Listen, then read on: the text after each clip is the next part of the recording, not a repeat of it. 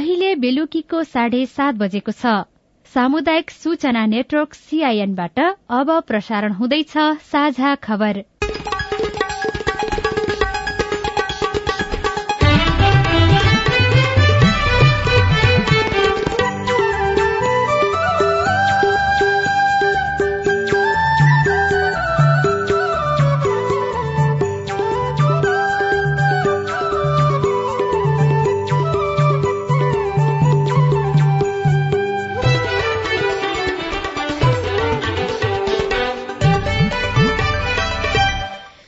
सीआईएनको साझा खबरबाट सोभिता रिसालको नमस्कार। साझा खबर देशभरिका सामुदायिक radio CIN Khabar dot com सीआईएनको फेसबुक पेज र मोबाइल एप सीआईएनबाट पनि सुन्न सकिन्छ।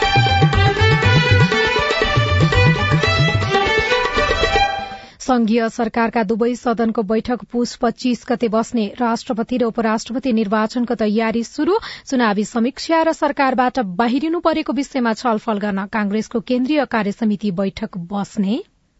गृहमन्त्री लामी छानेको नागरिकता सम्बन्धी विवादमा पुष बाइस गते सुनवाई हुने नियम विपरीत राखिएका सुरक्षाकर्मी र सहयोगी अडचालिस घण्टाभित्र फिर्ता गर्न गृह मन्त्रालयको निर्देशन। मापदण्ड अनुसार सुरक्षाकर्मी खटाइएको पनि छ भिभिआइपीहरूलाई।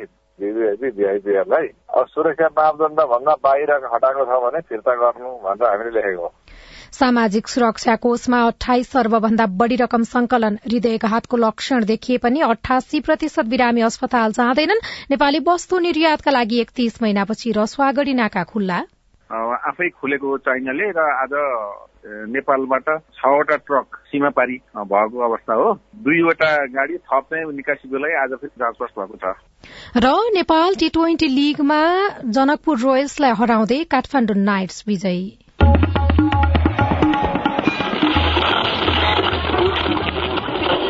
सयौं रेडियो। हजारौं रेडियो कर्मी र करोड़ौं नेपालीको माझमा यो हो सामुदायिक सूचना नेटवर्क सीआईएन मंगिर चार गते भएको निर्वाचनको परिणामसँगै नयाँ राजनीतिक समीकरण निर्माण भएसँगै संघीय संसदको सबैभन्दा ठूलो दल नेपाली कांग्रेस मुख्य विपक्षीको भूमिकामा पुगेको छ। यो समीकरणले कांग्रेसलाई संसदमा प्रभावकारी र रचनात्मक भूमिका निर्वाह गर्ने अवसर दिएको छ। कांग्रेसले अब सरकारलाई उत्तरदायी जवाबदेही र जिम्मेवार बनाउने र नागरिकका आवाज मुखरित गर्ने थलोका रूपमा संसदको उपयोग गर्नुपर्छ। नयाँ प्रतिनिधि सभाको पहिलो बैठक आगामी पुष पच्चीस गते बस्ने भएको छ। सरकारको सिफारिशमा राष्ट्रपति विद्यादेवी भण्डारीले संघीय संसदका दुवै सदनको बैठक आगामी पुष पच्चीस गते दिउँसो एक बजे बस्ने गरी आह्वान गर्नुभएको हो। राष्ट्रपति भण्डारीले संविधानको धारा तिरानब्बेको उपधारा एक बमोजिम संसदका दुवै सदनको अधिवेशन आह्वान गर्नुभएको राष्ट्रपति कार्यालयका सहप्रवक्ता दशरथ धमलाले सीआईएनसँग बताउनुभयो। सामान्य राष्ट्रपतिबाट संघीय संसदका दुवै सदनको अधिवेशन यही पुस पच्चिस गते सोमबार दिनको एक बजे बस्ने गरी आह्वान गर्नुभएको छ र सो दिन दुवै सभाका बैठकहरू सुरु हुन्छन्। उक्त दिन सामान्य राष्ट्रपतिबाट अधिवेशन आह्वान सम्बन्धी पत्र दुवै सभामा पढेर सुनाइन्छ। यो बिचमा कुनै अध्यादेशहरू जारी भएका रहेछन् भनेदेखि ती अध्यादेशहरू पनि पेश हुन्छन्। दुवै सदनमा सर्वदलीय बैठकबाट सदस्यहरूले निर्कुल गर्नुभयो भनेदेखि दलका नेताहरूले सम्बोधन गर्नुहुनेछ। राष्ट्रिय सभातर्फ कार्यकर्ता परामर्श समितिमा छलफल हुन्छ भने प्रतिनिधि सभातर्फ सर्वदलीय बैठकबाट त्यो निर्कुल हुन्छ। यिनै कुराहरू मुख्य गरी अगाडि बढ्छन्। यसका अतिरिक्त प्रतिनिधि सभामा सर्वदलीय बैठकमा छलफल गरेर पहिलो बैठकबाट सभामुखको निर्वाचनको प्रक्रिया अगाडि बढाउने भन्ने कुरा भयो भने सो दिन सभामुखको निर्वाचनको प्रक्रिया पनि प्रारम्भ हुन्छ। सीआईएनलाई जानकारी दिनुहुँदै संघीय सचिवालयका सहप्रवक्ता दशरथ धमला प्रतिनिधि सभाको बैठकले राष्ट्रपति उपराष्ट्रपति सभामुख र उपसभामुखको चयनका विषयमा समेत छलफल गर्नेछ। निर्वाचन आयोगले राष्ट्रपति र उपराष्ट्रपति निर्वाचनको तयारी शुरू गरेको छ। राष्ट्रपति तथा उपराष्ट्रपतिको निर्वाचन सम्बन्धी ऐन दुई हजार चौहत्तर बमोजिम राष्ट्रपतिको पदावधि सकिनुभन्दा कम्तीमा एक महिना अघि निर्वाचन हुने गरी निर्वाचनको मिति तोक्नुपर्ने भएकाले निर्वाचनका लागि आन्तरिक छलफल शुरू भएको आयोगले जनाएको छ। वर्तमान राष्ट्रपतिको कार्यकाल आउँदो फागुन उनातिसमा सकिने भएकाले आयोगले माघ अठाइस गतेभित्र निर्वाचन गराउने तयारी गरेको आयोगका प्रवक्ता शालिग्राम शर्मा पौडेलले सीआईएनसँग बताउनुभयो। सम्मानित राष्ट्रपति र उपराष्ट्रपतिको पदावधि सकिनुभन्दा एक महिना अगाडि निर्वाचन गर्नुपर्ने कानुनी व्यवस्था छ। अब सोही कानुनी व्यवस्था बमोजिम निर्वाचन गर्नका लागि आयोगले आन्तरिक तयारीहरू गरिराखेको छ। अब धेरै ठुलो तयारीहरू पनि केही छैन। अब हामीसँग निर्वाचन सामग्रीहरू सबै छन्। अस्ति दिनेका केही जगेडा छँदैछ धेरै ठुलो निर्वाचन होइन। अब आयोगले यसको अन्तिमसम्ममा निर्वाचनको तयारी गर्छ।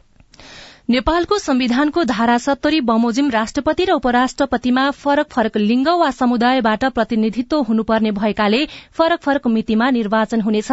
राष्ट्रपति र उपराष्ट्रपतिको लागि प्रतिनिधि सभा राष्ट्रिय सभा र प्रदेश सभाका सांसदले मतदान गर्नेछन्।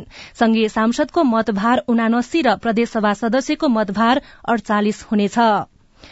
गृह मन्त्रालयले बहालवाला तथा पूर्व विशिष्ट व्यक्तिले कानून विपरीत व्यक्तिगत सुरक्षाकर्मी र सहयोगी राखेको भए फिर्ता गर्न निर्देशन दिएको छ। मन्त्रालयले आज विज्ञप्ति निकालेर विशिष्ट व्यक्तिहरूको सुरक्षा व्यवस्थापन कार्यविधि दुई हजार सतहत्तरको व्यवस्था भन्दा विपरीत सेवा सुविधा लिएको र व्यक्तिगत सुरक्षाकर्मी तथा सहयोगी राखेको भए अड़चालिस घण्टाभित्र फिर्ता गर्न भनेको हो। दुई हजार सतहत्तरमै कानून बनाएर त्यसको कार्यान्वयन गर्न मन्त्रालयले सुरक्षा निकायलाई निर्देशन दिए पनि त्यसको कार्यान्वयन हुन सकेको छैन।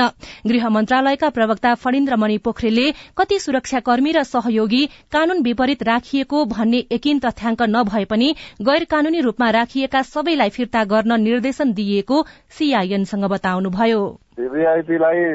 सुरक्षा उपलब्ध गराउने मापदण्ड छ। त्यो मापदण्ड अनुसार सुरक्षाकर्मी खटाइएको पनि छ भिभिआइपीहरूलाई भिआइपीहरूलाई सुरक्षा मापदण्ड भन्दा बाहिर हटाएको छ भने फिर्ता गर्नु भनेर हामीले लेखेको हो। अहिलेसम्म चाहिँ नेपाल सरकारबाट कति विशिष्ट व्यक्तिहरूले सुरक्षाकर्मीको सेवा पाएका छन् ती मध्ये कतिले चाहिँ नियम विपरीत सुरक्षाकर्मीहरू खटाइरहेको यहाँहरूको तथ्याङ्क छ? कति छन् भन्ने कुरो नै त्यो छ भन्ने कुरो नोटिसमा आयो होइन। कति छन् त्यसको चाहिँ उहाँहरूले त्यो बनाउनुहुन्छ हेर्नुहुन्छ। अहिलेसम्म यति नै छन् भन्ने चाहिँ हाम्रो तथ्याङ्क चाहिँ छैन? छैन छैन। कुनै जिल्लाबाट दिएछ कुनै हेडक्वार्टरले दिएछ त्यसरी सबैले पनि कलेक्सन गर्नु पर्यो यो आकस्मिक निर्णय भएकोले कुनै तयारी छैन एउटा होलसेल निर्णय गरेका सरकारले विशिष्ट व्यक्तिहरूको सुरक्षा व्यवस्थापनलाई प्रभावकारी व्यवस्थित र परिमाणमुखी बनाउने उद्देश्यले विशिष्ट व्यक्तिहरूलाई सुरक्षाकर्मीको व्यवस्था गर्ने गरेको छ। सर्वोच्च अदालतले उपप्रधान तथा गृह मन्त्री रवि लामी छानेको नागरिकता तथा राहदानी सम्बन्धी विवादमा यही पुष बाइस गते सुनवाई गर्ने भएको छ। मन्त्री लामी छानेको नागरिकता र राहदानी विवादित रहेकाले उहाँलाई सांसदको शपथ लिनबाट रोक्न माग गर्दै सर्वोच्च अदालतमा रिट दायर भएको थियो। उक्त रिटमा सुनवाई गर्दै सर्वोच्चले गत बुधबार कारण देखाउ आदेश दिएको थियो। यसबारेमा पुष बाइस गते अन्तरिम आदेश दिने कि नदिने भन्ने विषयमा सुनवाई हुने भएको सर्वोच्चका प्रवक्ता प्रवक्ता विमल पौडेलले सीआईएनसँग बताउनुभयो। प्रतिनिधि सभाका सदस्य मान्य श्री रवि लामिछाने विरूद्ध चाहिँ दुईवटा निवेदनहरू परेका थिए र संवैधानिक इजलासको दुई हजार उनासी पौष छ गतेको आदेशले चाहिँ ती दुवै निवेदनमा कारण देखाउ आदेश जारी भएको छ र साथसाथै पुष बाइस गते दुवै पक्षलाई राखेर दुवै पक्षका कुराहरू सुन्ने भनेर अन्तरिम आदेश जारी हुने वा नहुने सम्बन्धमा चाहिँ छलफलको चाहिँ पेशी तोकिएको छ। प्रमुख प्रतिपक्षी दल नेपाली कांग्रेसको केन्द्रीय कार्य समितिको बैठक आउँदो शुक्रबार बस्ने भएको छ। ललितपुरको सानेपा स्थित पार्टी मुख्यालयमा शुक्रबार दिउँसो एक बजे बस्ने गरी बोलाइएको बैठकमा सहभागी हुन सबै पदाधिकारी र सदस्यलाई निर्देशन गरिएको पार्टी कार्यालयका प्रमुख मुख्य सचिव कृष्ण प्रसाद पौडेलले जानकारी दिनुभएको छ। बैठकमा गत मंगिर चारमा भएको निर्वाचनबाट सबैभन्दा ठूलो दल भएर पनि सरकारमा सहभागी हुन नसक्नुका कारणबारे समीक्षा गर्ने र भावी रणनीति तय गर्ने बारे छलफल हुने कांग्रेस नेताहरूले बताएका छन्। मनाङबाट निर्वाचित सांसद टेक प्रसाद गुरूङले गुरूङको पद निलम्बन भएको छ। भ्रष्टाचारको मुद्दा विचाराधीन रहेकाले गुरूङ स्वत निलम्बनमा रहेको संघीय संसद सचिवालयले जनाएको हो। सचिवालयले दुई दिन अघि गुरूङलाई पद तथा गोपनीयताको शपथ ग्रहण भने गराएको थियो। भ्रष्टाचारको मुद्दा किनारा नलागेकै अवस्थामा गुरूङलाई नेपाली कांग्रेसले मनाङबाट उम्मेद्वार बनाएको थियो। सचिवालयले प्रहरीको हत्या गरेको अभियोगमा मुद्दा चलिरहेका सांसद लक्ष्मी महत्व कोइरीको विषयमा भने विज्ञप्तिमा केही उल्लेख गरेको छैन। नेकपा एमालेको तर्फबाट महोत्तरी एकबाट निर्वाचित कोइरीले शपथ ग्रहण भने गरिसक्नु भएको छ। हृदयघात हुनुभन्दा पहिले कुनै न कुनै लक्षण देखिए पनि धेरै जसो बिरामीले अस्पताल नजाने गरेको पाइएको छ। शहीद गंगालाल राष्ट्रिय हृदय रोग केन्द्रले गरेको अध्ययनले झण्डै अठासी प्रतिशत मुटुका बिरामी हृदयघातको लक्षण भए पनि अस्पताल नआएको देखाएको हो। हृदयघात हुनुभन्दा पहिला सबैलाई केही न केही लक्षण देखिन्छ। त्यसरी लक्षण देखिए पनि बिरामी अन्तिम अवस्थामा मात्रै अस्पताल पुग्ने गरेको केन्द्रका निर्देशक डाक्टर चन्द्रमणि अधिकारीले सीआईएनसँग बताउनुभयो। केन्द्रले हृदयघात भएर अस्पताल आएका तीन सय चालिस जना बिरामीमा गरेको अध्ययनमा अठासी प्रतिशत बिरामीले छातीमा दुखाई भएको थाहा भएको उल्लेख गरेका छन्। तर छातीमा दुखाई भएको महसुस गरे पनि समयमै अस्पताल भने नपुगेको उनीहरूले बताएका छन्। चीनले कोरोना महामारी शुरू भए यता पहिलो पटक नेपाली वस्तु निर्यातका लागि रसुवागढ़ी नाका खुला गरेको छ। एकतीस महिनादेखि बन्द रहेको रसुवागढ़ी नाका चीनले आजदेखि खुला गरेको रसुवा भन्सार कार्यालयले जनाएको छ। नाका खुलेको पहिलो दिनमै नेपालबाट पचास लाख सत्तरी हजार रूपियाँ बराबरको वस्तु निर्यात भएको रसुवागढ़ी नाकाका प्रमुख भन्सार अधिकृत नारायण प्रसाद भण्डारीले सीआईएनसँग बताउनुभयो। नेपालबाट आज केही सामान चाइनातर्फ निर्यात भएको अवस्था हो। त्यस्तो औपचारिक रूपमा त्यस्तो पत्रचार भएको होइन। आज बिहान मलाई लासाको महावाणिज्य दूत नवराज ढकाल सरले सूचना चाहिँ गर्नुभएको थियो। आफै खुलेको चाइनाले र आज नेपालबाट छवटा ट्रक सीमा पारी भएको अवस्था हो। दुईवटा गाडी थप चाहिँ निकासीको लागि आज फेरि जाँचबस भएको छ। सरसर्ती हेर्दा पचास लाख सत्तरी हजार रुपियाँ मूल्य बराबरको देखिएको छ। साझा खबरमा अब खेल खबर। जनकपुर रोयल्सलाई त्रिपन्न रनले हराउँदै काठमाण्डु नाइट्सले नेपाल टी ट्वेन्टी लीगमा दोस्रो जीत निकालेको छ। कृतिपुरमा दुई सय नौ रनको लक्ष्य पछ्याएको जनकपुर निर्धारित बीस ओभरमा एक सय पचपन्न रनमा अल आउट भयो। टस जितेर ब्याटिङ थालेको काठमाण्डुले निर्धारित बीस ओभरमा छ विकेट गुमाउँदै दुई सय आठ रन बनाएको थियो।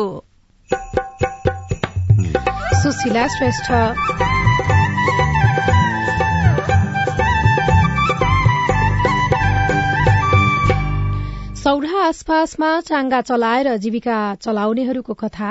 त्यहाँबाट ल्याएर तपाईँको म्युजियम देखाएर यसो राउन्ड गराएर त्यस्तै पाँच सय हाराहारीमा हामीले लिन्छौँ। अब तपाईँको त्यही कहिले कहिले बाह्र पन्ध्र सय आधुनिक सवारी साधनका कारण व्यवसाय विस्थापित हुने अवस्थामा रिपोर्ट। बर्खामा भत्किएका हुम्लाका गोरेटो नबन्दा नागरिकलाई हिँडुल गर्ने समस्या। लगायतका सामग्री बाँकी नै छन्। सीआईएनको साझा खबर सुन्दै गर्नुहोला। सबैलाई नमस्कार। अध्यक्ष उपाध्यक्ष सदस्य सबै पो आउनुभएछ त? हामी त विपद व्यवस्थापनमा जनप्रतिनिधिको भूमिकाकै बारेमा पो छलफल गर्दै थियौं। अनि के छ निष्कर्ष सुनौ न त? बाढ़ी पहिरो भूकम्प लगायतका विपदको समयमा महिलाका समस्या सम्बोधन गर्न पालिकाले अझ धेरै काम गर्न सक्छ भन्ने हाम्रो बुझाइरह्यो। विपद सम्बन्धी स्थानीय नीति कानून मापदण्ड बनाउने र कार्यान्वयन अनुगमन नियमनको अधिकार स्थानीय सरकारलाई छ। त्यसमा महिलाको पनि सहभागिता बढाउनु पर्यो। पालिकाको अध्यक्ष मै छु। पाएको अधिकार अनुसार हामी बनेको कानून कार्यान्वयन गर्ने अनि आवश्यक कानून बनाउने चरणमै छौ। अब तपाईँका सुझाव पनि समेटिन्छन् है। विपदको तयारी र प्रतिकार्यका लागि पालिकामा रहेको संयन्त्र र योजना अनि नीतिहरू महिला बालबालिका अपाङ्गता भएका यौनिक अल्पसंख्यक समुदायका व्यक्तिको आवश्यकतामा आधारित हुनु पर्यो अध्यक्षज्यू। दिदी बहिनीहरूले सही कुरा उठाउनु भयो यहाँ उठेका सबै कुरा कार्यपालिकाको बैठकमा राख्ने प्रतिबद्धता जनाउँदै बरु अध्यक्षज्यू अहिलेसम्म बनेका कानून कस्तो बने अनि भविष्यमा कस्तो बनाउने भन्ने बारे भोलि नै एउटा छलफल राखौं न हुन्न? विपद पहिले विपदको बेला र विपद पछि कस्तो नीति बनाउने र महिलालाई कसरी सम्बोधन गर्ने भन्ने बारेमा भोलि नै सर्वपक्षीय बैठक गरौं। आएका सुझाव समेटेर बनेका कानून संशोधन र नयाँ कानून बनाउन पालिका तयार छ। विपद सम्बन्धी कानून निर्माण र कार्यान्वयनमा महिलाको अर्थपूर्ण सहभागिता खोजौं। युएन उमनको सहयोगमा ल्याक र अकोराब नेपाल। सामाजिक रूपान्तरणका लागि यो हो सामुदायिक सूचना नेटवर्क सीआईएन तपाई सामुदायिक सूचना नेटवर्क सीआईएनले तयार पारेको साझा खबर सुन्दै हुनुहुन्छ। बहुचर्चित काठमाण्डु केरूङ अन्तर्देशीय रेलमार्गको विस्तृत सम्भाव्यता अध्ययन गर्न चीनबाट प्राविधिक टोली नेपाल आइपुगेको छ। चीन सरकारको China railway survey and design group company लिमिटेडका प्राविधिकहरू आज दिउँसो काठमाण्डु आइपुगेका हुन्। यो टोलीले प्रस्तावित रेलमार्गको इन्जिनियरिङ अध्ययन प्रतिवेदन तयार गर्नेछ। विभागका महानिर्देशक रोहित कुमार विश्रालका अनुसार यो टोलीले थालेको बयालिस महिनामा अध्ययन प्रतिवेदन तयार गर्नेछ। सामाजिक सुरक्षा कोषमा हालसम्म दर्ता भएका तीन लाख अस्सी हजार श्रमिकबाट अठाइस अर्ब भन्दा बढ़ी रकम संकलन भएको छ। कोषका अनुसार श्रमिकको नाममा अठाइस अर्ब आठ करोड़ रकम जम्मा भएको हो। सामाजिक सुरक्षा कोषको तथ्याङ्क अनुसार गत असार मसान्तसम्म कोषमा सत्र हजार एक सय बयानब्बेवटा रोजगारदाता फर्म तथा कम्पनीका तीन लाख छयालिस हजार सात सय चौवालिस जना श्रमिक दर्ता भएका थिए। चालू आर्थिक वर्षको गत पाँच महिनामा भने चौतिस हजार नयाँ श्रमिक दर्ता भएका छन्। कोषका अनुसार हालसम्ममा योगदानकर्ताहरूबाट प्राप्त सड़चालिस हजार पचासवटा दावी मार्फत तीन अर्ब रकम भुक्तानी भएको कोषका प्रवक्ता विवेक पन्तीले सीआईएनसँग बताउनुभयो। सामाजिक सुरक्षा कोषले सञ्चालन गरेका योजनाहरू अहिले औपचारिक क्षेत्रभित्रको निजी प्रतिष्ठानहरूमा लागू भएको छ। ती योजना अन्तर्गत हालसम्म योगदानकर्ताहरूको संख्या तिन लाख असी हजार कटिसकेको छ भने रोजगारकर्ताहरू साढे सत्र हजार सामाजिक सुरक्षा कोषमा आगत भइसक्नु भएको छ। हालसम्म अठाइस हजार जम्मा भइसकेको छ भने सामाजिक सुरक्षा कोषमा योगदान गरिसकेपछि विभिन्न किसिमका चार किसिमका सुविधाहरू उनीहरूले उपयोग गर्नुहुन्छ। त्यो उपयोग गर्नेहरूको संख्या करिब पचास हजार पुगिसकेको छ भने त्यसबाट सामाजिक सुरक्षा कोषले करिब तीन अरब रुपियाँ भुक्तानी गरिसकेको छ। अब हामी अनौपचारिक तथा स्वरोजगार र वैदेशिक क्षेत्रमा प्रवेश गर्दैछौँ। कार्यविधि मन्त्रालयबाट स्वीकृत भइसकेको छ भने अब लागू हुने चरणमा रहेको छ। यस्तै कोषको सम्पत्ति दायित्व समीक्षा वर्षमा एकचालिस दशमलव चार प्रतिशतले बढ़ेर दुई हजार उनासी असार मसान्तमा चौन्न अर्ब सत्तरी करोड़ कायम भएको छ। नयाँ सरकार बनेपछि शेयर बजारमा पनि सकारात्मक संकेत देखिएको छ। आज शेयर बजार परिसूचक नेप्से चार महिना यताकै उच्च बिन्दुमा पुगेको छ भने करिब पाँच महिना यताकै बढ़ी कारोबार भएको छ। नेप्से परिसूचक आज झण्डै साठी अंकले बढ़ेर एक हजार नौ सय चौरासी बिन्दुको नजिकै पुगेको छ। काठमाण्डु र पोखरा पछिको प्रमुख पर्यटकीय गन्तव्य हो चितवनको सौराहा। कोरोना मत्थर भएपछि पछिल्ला दिनहरूमा घुम्न आउने पर्यटक पनि बढ़ेका छन्। एकसिंगे गैंडा हेर्नु र जंगल तथा हात्ती सफारी गर्नु सौराहा पुग्ने आन्तरिक तथा बाह्य पर्यटकको मुख्य उद्देश्य हुन्छ। तिनै पर्यटकलाई सौराहा आसपास घुमाएर टाङ्गा चलाउनेहरू जीविका चलाइरहेका छन् तर आधुनिक सवारी साधनका कारण टाङ्गा व्यवसाय विस्थापित हुने अवस्थामा छ। लुकाइदेऊ न भित्री मनको परेलीमा।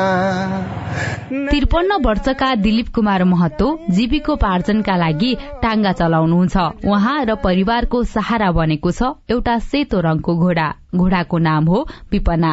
टाङ्गा तान्दै चोकमा निस्कनु अघि विपनालाई दाना खुवाएर तयार पारिन्छ। बाजेको पालादेखि टाङ्गा चलाउँदै आएका टाङ्गावालहरू हिजो आज आफ्नो कमाईबाट घर खर्च चलाउन गाह्रो भएको गुनासो गर्छन्। अर्कोको जानमा बसेपछि त तपाईँको चल भनेपछि तुरन्तै गइहाल्छ यो। यसको नाम विपना हो। हजुरको नेपाली आयो भने त त्यो तपाईँको पोखरा काठमाडौँतिर आयो भने त नेपाली नै चढ्छ। अब कोही कोही विदेशीहरू यसो रहर गरेको छ भने चढ्छ। कुनै समय टाँगा र बगी यातायातको प्रमुख साधन थिए। अचेल थरी थरीका गाडीले परम्परागत सवारी साधनलाई विस्थापित गरेका छन्। तर सौराहा घुम्न आउने पर्यटकका लागि टागा चढ्नु नौलो अनुभूति संगाल्नु पर्ने हो। अनि टागा व्यवसायका लागि धेर थोर आमदानीको स्रोत। सबैजना गएपछि मैले डुङ्गा पोइन्टसम्म छोड्छु। त्यो डुङ्गा पोइन्टको नाम छ जनकौली। त्यहाँ पोइन्टमा छोड्दाखेरि हामीले अफिस दिन्छ जम्मा दुईदेखि तपाईँको अढाई सय तिन सय रुपियाँ दिन्छ एक टिपको। त्यहाँबाट ल्याएर तपाईँको म्युजियम देखाएर यसो राउन्ड गराएर त्यस्तै पाँच सय हाराहारीमा हामीले लिन्छौँ। अब तपाईँको त्यही कहिले कहिले बाह्र पन्ध्र सय। कुनै समय चितवनको सौराहामा झण्डै साठीवटा टागा चल्थे तर अहिले दसवटा मात्रै छन्। टागाको स्थान रिक्सा विद्युतीय रिक्सा र विभिन्न मोटर गाड़ीले लिएको छ जसले परम्परागत टाँगा व्यवसायलाई संकटमा पारेको सञ्जय मुखिया बताउनुहुन्छ। सजिलो त कहाँ अहिले सब गेसहरू प्राय जीप सफारीमै जान्छन् कुनै कुनै यसो रहर लाएर चढ्ने मात्रै हुन् सबै प्राय जीपमै जान्छन्। दिनभरि बस्यो बस्यो यसो एक दुई टिप्ला नि पाँच सात सय कमाइन्छ नत्र छैन दिनभरि त्यस्तै। टाँगा सौराहाको पुरानो सवारी साधन थियो तर यसले आधुनिक सवारी साधनसँग प्रतिस्पर्धा गर्न नसक्दा क्रमशः विस्थापित हुँदैछ। टाँगा व्यवसायीहरू भने स्थानीय सरकारले टाँगा व्यवसाय व्यवस्थित गरिदिनुपर्ने बताउँछन्। Pavitra Parajuli CIN Vijay FM Nawalpur. साझा खबरमा अब हेलो सीआईएन हेलो मेरो नाम कृष्ण सारोनिया हो गुजर नगरपालिका वार्ड नम्बर मेरो एक पर्छ। यो मन्त्री स्वरोजगार कार्यक्रममा यहाँ गरिबहरू बेरोजगारी समस्यालाई भएर खुन्छ अनि यहाँ त भर्दाखेरि आफ्नो आफ्नो मान्छेलाई हालिदिन्छ काम गर्ने जस्तो समस्या छ त्यो हाल्दैन। जम्मै रदीको टोकरी फालिदिन्छ यो गुजरात नगरपालिकामा त्यस्तै गर्छ क्या गरिबलाई हाल्दैन। तपाईँको गुनासो हामीले गजुरा नगरपालिका रौतहटका प्रवक्ता विजय शाह बानियालाई सुनाएका छौं। वडा कार्यालयबाट जान्छ होइन? त्यो सबै सिफारिसहरू गरेर त्यसपछि समितिहरू बस्छ त्यसपछि फाइनल हुन्छ नि त। तर अब एकैचोटि त त्यस्तो नगर्नु पर्ने हो। यदि वास्तवमा यदि त्यस्तो गरेको छ भने त त्यो गलत नै हो। त्यसलाई त निरुत्साहित गर्नुपर्छ। र आउँदो दिनमा कसरी राम्रोसँग लैजाने हो एकदम पारदर्शिता हिसाबले जो पाउनु पर्ने व्यक्ति हो उसलाई नै पाउनु पर्ने हो। भन्ने म पनि मान्यता राख्छु। नमस्कार म डोटीको साइल गाउँपालिका वडा नम्बर एकबाट मानबहादुर रोकाया हो। धेरै लामो समय भइसक्यो हाम्रो यतातिर एनसेल एनटिसी स्मार्टको नेटवर्क आउँदैन र साइल गाउँपालिका एक नम्बर वडाको वडा कार्यालयभित्र नेटवर्क आउँदैन वडा बाहिर मात्र नेटवर्क आउँछ। फोन गर्नको लागि कार्यालयमा रहेका कर्मचारीले वडाभन्दा बाहिर आउनुपर्छ। यो विषयमा साइल गाउँपालिका वार्ड नम्बर एकबाट वडा अध्यक्षको हस्ताक्षर छैन। नेपाल टेलिकम दिपाइललाई चाहिँ यहाँबाट हामीले नेटवर्कको सुधार गरिपाउँ भन्ने समस्या चाहिँ पत्र पठाएका थियौँ। अहिलेसम्म यो समस्याको चाहिँ नेपाल टेलिकमले कुनै पनि समाधान गरेको छैन। के भइरहेको छ यो विषयमा चाहिँ तपाईँको गुनासो हामीले नेपाल टेलिकम दिपायलका प्रमुख शंकर दत्त भट्टलाई सुनाएका छौं। यसको लागि चाहिँ उहाँहरूको पत्र आथ्यो होइन। अनि त्यो पत्र हामीले सिफारिस सहित हाम्रो प्रादेशिक निर्देशनालय अत्तरियालाई पठाइसकेका छौँ होइन। अब टावरहरूको प्लानिङ गर्ने काम चाहिँ उतैबाट हुन्छ होइन। अनि मौखिक पनि मैले कुरा गरेका छु अनि लिखित रूपमा पनि उहाँहरूको पत्र र हाम्रो कार्यालयको पत्र समेत राखेर जेठकै महिना पठाइसकेका छौँ त। थप कुराहरू त उतैबाट हुन्छ। अब यो सानो कार्यालयले त्यस्तो टावर निर्माण सम्बन्धी होइन कि नर्मल मेन्टेनेन्स हेर्छ होइन। नेपाल टेलिकम दिपायलका प्रमुख शंकर दत्त भट्टको जवाब सुनिसकेपछि हामीले यस विषयमा नेपाल टेलिकमको प्रादेशिक निर्देशनालय सुदूरपश्चिमका प्रमुख किशोर कुमार भट्टलाई सोधेका छौं। त्यहाँ टावर चाहिँ निर्माणकै क्रममा छ। यो निर्माण सकिएपछि तपाईँको सञ्चालनमा आएपछि त्यो कभरेजको समस्या चाहिँ समाधान हुन्छ। अब एक महिनाभित्रमा सायद सकिन्छ। हामी त्यही अनुमान गरेका छौँ तपाईँ जुनसुकै बेला हाम्रो टेलिफोन नम्बर शून्य एक बान्न साठी छ चार छमा फोन गरेर आफ्नो प्रश्न विचार गुनासो तथा प्रतिक्रिया रेकर्ड गर्न सक्नुहुन्छ। तपाई सामुदायिक सूचना नेटवर्क सीआईएनले काठमाण्डुमा तयार पारेको साझा खबर सुनिरहनु भएको छ। बर्खामा भत्किएका हुम्लाका गोरेटो बाटो अझै बनेनन्। विद्यार्थीलाई विद्यालयमा पुग्न गाह्रो छ। महिलाहरूले दाउरा नल्याउन्जेलसम्म खाना पाक्दैन। दाउरा ल्याउनको लागि एकदमै बाटो अप्ठ्यारो छ। हिँडुल र दैनिक जीवनमा नै अप्ठ्यारो रिपोर्ट। स्थानीय सरकारको सात महिना पूरा लगायतका सामग्री बाँकी नै छन्। सीआईएनको साझा खबर सुन्दै गर्नुहोला। नेपाल टेलिकमको सूचनाको संसार। होइन के सुनेको यस्तो ध्यान दिएर दोहोरो बोलेको जस्तो नि देख्दिन। तीन दुई एक शून्य शून्य क्या? तीन दुई एक शून्य शून्य? के हो त्यो भने? बुझिन त। ल सुन एनटिसी प्रयोगकर्ताहरूले आफ्नो मोबाइल तथा ल्यान्डलाइनमा तीन दुई एक शून्य शून्य डायल गरी समाचार रेडियो कार्यक्रम खेल र अन्य विषय बारे सन्देशहरू जुनसुकै बेला निशुल्क सुन्न सक्छन्। ओहो। निशुल्क कस्तो सजिलो। समाचार सुन्न छुट्यो भनेर पिर लागेको थियो। अब त म पनि सुनिहाल्छु। कति रे? तिन दुई एक शून्य शून्य। सीआईएनको साझा खबर अब नेपाली पात्रोमा पनि। स्थानीय राष्ट्रिय तथा अन्तर्राष्ट्रिय समाचार नेपाली एफएम तथा अनलाइन रेडियोहरू एकै ठाउँमा सुन्न तिथि मिथि तथा पञ्चाङ्ग सम्बन्धी सबै जानकारी लिन। अन्तर्राष्ट्रिय मुद्राको नेपाली विनिमय दर सुन चाँदीको दर भाव मौसम सम्बन्धी सूचना र सार्वजनिक विधा बारेको जानकारी लिन पनि। नेपाली पात्रो अब तपाईँको मोबाइलमा। सामाजिक रूपान्तरणका लागि यो हो सामुदायिक सूचना नेटवर्क सीआईएन तपाई सामुदायिक सूचना नेटवर्क सीआईएनले काठमाडौँमा तयार पारेको साझा खबर सुन्दै हुनुहुन्छ। स्थानीय सरकारको पछिल्लो निर्वाचन भएको सात महिना पूरा भएको छ। केही स्थानीय तहले राम्रा कामको थालनी गरेका छन् केही थिति बसाउन प्रयासरत छन् भने धेरैले भौतिक पूर्वाधार निर्माणका साथै स्वास्थ्य शिक्षा रोजगारी कृषि लगायतलाई प्राथमिकतामा राखेर काम गरिरहेका छनृ। संघीयता कार्यान्वयनको आधार भूमिका रूपमा रहेका स्थानीय तहलाई त्यसै अनुसार अधिकार सम्पन्न बनाइएको छ। संविधानमा स्थानीय तहका बाइस प्रकारका एकल अधिकार हुने उल्लेख छ। पहिलो कार्यकाल भौतिक निर्माणमा जोड़ दिएका स्थानीय तहले दोस्रो कार्यकालमा केही उदाहरणीय काम थालेका छन्। भक्तपुरको मध्यपुर थिमी नगरपालिकाका उपप्रमुख विजय कृष्ण श्रेष्ठ। जबसम्म शिक्षामा शिक्षा स्वास्थ्य आधारभूत कुराहरूमा सरकारले लगानी गर्दैन तबसम्म जनताले परिवर्तन महसुस गर्न सक्दैन सम्बन्धता प्राप्त गर्न सकिँदैन।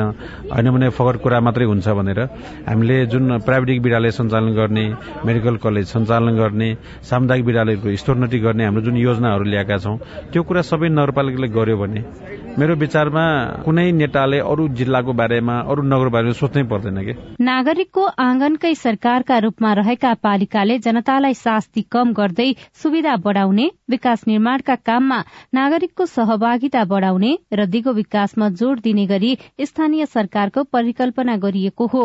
यही भावना अनुसार काम गरेका कतिपय जनप्रतिनिधि दोस्रो कार्यकालका लागि पनि चुनिएका छन् जसले थप काम गर्न हौसला मिलेको उनीहरू बताउँछन्। सिन्धुपाल्चोकको हेलम्बु गाउँपालिकाका अध्यक्ष निमा ग्याल्जेन होल्मो र पाल्पाको माथागढ़ी गाउँपालिकाका उपाध्यक्ष विष्णुमाया लुङचे आमाहरूलाई हामी एम्बुलेन्सले लिएर आएर बर्थिङ सेन्टरमा हामी सम्म पुऱ्याउँछौँ। बर्थिङ सेन्टरमा डेलिभरी भएपछि घरमा पुऱ्याइदिन्छु। यहाँबाट काठमाडौँ भने काठमाडौँ फ्रीमा। काठमाडौँबाट फेरि सुत्केरी भएपछि घरमा फ्री पुऱ्याइदिन्छु। त्यो पनि त महिला दिदीबहिनीहरूको लागि हो नि होइन? अनि त्यो सँगसँगै हामीले के हुन्छ त्यो नेपाल सरकारले तिन हजार रुपियाँ दिन्छ। गाउँपालिकाले फेरि तिन हजार रुपियाँ थप दिने गरेको छ। नगरपालिकासँग जोडिएको वडाहरू पनि छ हाम्रो माछागढीमा र कुनै यस्तो विकट पनि छ। न सञ्चार भेटिन्छ न त मान्छे गएर त्यहाँ उद्धार गर्न सकिने त्यस्तो आपत पनि हुन सक्ने अवस्थामा त्यो ठाउँलाई सहज रूपले सहयोग गर्नको लागि हामीले एउटा दूरसञ्चार टावरहरूको माग योजना बनाएका छौँ। धेरैजसो स्थानीय तहका प्रतिनिधि शिक्षा स्वास्थ्य उद्यम र कृषिलाई प्राथमिकता दिएको बताउँछन्। नगरपालिकाले नीतिगत रूपमै कृषिलाई प्राथमिकतामा राखेको लमजुङको राइनस नगरपालिकाका उपमेयर पुष्पराज खनाल बताउनुहुन्छ। हाम्रो देश कृषि प्रधान देश हो र अहिले हामीले बनाएका राइनस नगरपालिकाको हकमा त नीतिगत रूपमा कृषिलाई नै प्रधान राख्ने भनेर हामीले उत्पादनमा आधारित कृषि अनुदान भनेर हामीले शुरूआत गरेका छौँ। कोदो र त्यहाँ कृषकहरूले उत्पादन गरेको दुधको हामीले चाहिँ अनुदान सहितको बजारीकरणको ग्यारेन्टी गरेका छौँ अहिले। स्थानीय तहका लागि आवश्यक कतिपय कानून अझै बनिसकेका छैनन्। कानून निर्माण नभएकै कारण अघिल्लो कार्यकालका कतिपय काममा अवरोध पुगेको जनप्रतिनिधिको अनुभव छ। अब त्यसो हुन नदिन प्रदेश र संघीय सरकारले बनाउनु पर्ने आवश्यक कानून बनाइदिने र स्थानीय तहका राम्रा काममा होस्टेमा हैसे गर्नुपर्ने जनप्रतिनिधिको भनाइ छ। सजना तिमल सीआईएन तर हुम्लाका नागरिकको गुनासो भने नजिकको भनिएको स्थानीय सरकारले पनि काम नगरेको छ। हुम्लामा गत असोज उन्नाइस गतेदेखि चौविस गतेसम्मको वर्षाका कारण क्षति भएको सड़क सञ्चालनमा आएका छन् तर हुम्लाका सबै स्थानमा सड़क खनिएको छैन। वर्षा र बाढ़ीले बिगारेको बाटोहरू भने अझै मर्मत हुन सकेको छैन जसका कारण नागरिकलाई हिँडुलमा नै समस्या परेको छ। ओध्येर भत्केर अब काहीँ मर्मत पनि छैन कि अर्को पनि छैन आउन जान लागि पनि अब धेरै अहिले हामीकन गाह्रो भइराखेको छ। विद्यार्थीलाई विद्यालयमा पुग्न गाह्रो छ। महिलाहरूले दाउरा नल्यान्जेलसम्म खाना पाक्दैन। दाउरा ल्याउनको लागि एकदमै बाटो अप्ठ्यारो छ। एकदम नजिकको सरकार स्थानीय सरकार हो। बाटो घाटो पुल पुलेसा राम्रो बनिदिए हुन्थ्यो। गएको असोजमा आएको निरन्तरको वर्षा बाढ़ी र पहिरोले भौगोलिक संरचना भत्कायो। सड़क र बाटाहरूमा समेत असर पर्यो। पहाड़ी र भिरालो भूभाग रहेको हुम्लाका बाटाहरू मर्मत नहुँदा स्थानीय हिन्डुलमा नै दुःख खेप्न बाध्य छन्। मुगु सोरु गाउँपालिका भेका दत्त कुमाल बाटोघाटो सर मैलाहरू पानी पन्देरको लागि एकदम जोखिम छ बाटोभन्दा तलमाथि हिँडेर जानुपर्ने अवस्था छ। एक दिनभरि लाग्छ दाउर जानको लागि त। भौगोलिक हिसाबले दुर्गम क्षेत्र हुम्ला मुगु जस्ता जिल्लामा भर पर्दो सड़क छैन। झन गोरेटो बाटो समेत लामो समयसम्म मर्मत नहुँदा पनि स्थानीय सरकारले चासो नदिएको नागरिकको गुनासो रहेको छ। बिग्रिएका बाटोहरू निर्माणको काममा समेत किन ढिलाइ भइरहेको छ? ताजाकोट गाउँपालिकाका उपाध्यक्ष सुरेन्द्र थापा। मुन्सी चार गतिको चुनाव लागेको कारणले त्यहाँ अहिले हुन नसकेको परिस्थिति त्यही हो। बाढी पहिरो लागेको बन्जाउका बाटाहरू बन्ने अब तत्काल ध्यान गर्छौँ हामी। हामी सबै क्लियर गर्छौँ हाम्रो हुम्लाको मध्य क्षेत्रको चङ्खिल्ली गाउँपालिकामा पनि भत्किएको बाटो निर्माण भएको छैन। चङ्खिल्ली गाउँपालिका वडा नम्बर चारका वडा अध्यक्ष पदम बहादुर शाही। खेती भएको छ जहाँ पहिरो गएको चाहिँ तैरिसक्यो अरे अब त्यसको हुन सकेको छैन अब स्थानीय तहमा अलि बजेट व्यवस्थापन नभएको सरकारले मिटिङ बस्दैछ मिटिङमा त्यो बजेटको के छ कस्तो बुझेर कहाँ कहाँ छ अप्ठ्यारो गाई गोरु घाँस पाएर ल्याउनु छ त्यो बाटाघाटाहरू खोल्ने प्रयासमा छौँ व्यवस्थित सडक त टाढाको कुरा। हुम्लाका ग्रामीण भेगमा गोरेटो बाटो समेत रहेको छैन जसका कारण नागरिक दैनिक हिँडुल र सामान ओसार पसार तथा मेलापातमा नै समस्या चलिरहेका छन्। युवराज भण्डारी सीआईएन रेडियो श्रीनगर हुम्ला संघीय संसदका दुवै सदनको बैठक पुष पच्चीस गते बस्ने गरी बोलाइएको छ। राष्ट्रपति र उपराष्ट्रपति निर्वाचनको तयारी शुरू भएको छ। गृहमन्त्री लामी छानेको नागरिकता सम्बन्धी विवादमा पुष बाइस गते सुनवाई हुने भएको छ। नियम विपरीत राखिएका सुरक्षाकर्मी र सहयोगी अडचालिस घण्टाभित्र फिर्ता गर्न गृह मन्त्रालयले निर्देशन दिएको छ। र नेपाल टी ट्वेन्टी लीगमा जनकपुर रोयल्सलाई हराउँदै काठमाण्डु नाइट्स विजयी भएको छ। आजलाई साझा खबरको समय सकियो प्राविधिक साथी सुरेन्द्र सिंहलाई धन्यवाद। भोलि पुष तेह्र गते बिहान छ बजेको साझा खबरमा फेरि भेटौँला। अहिलेलाई सोभितारी साल पनि विदा हुन्छु। नमस्कार शुभरात्री।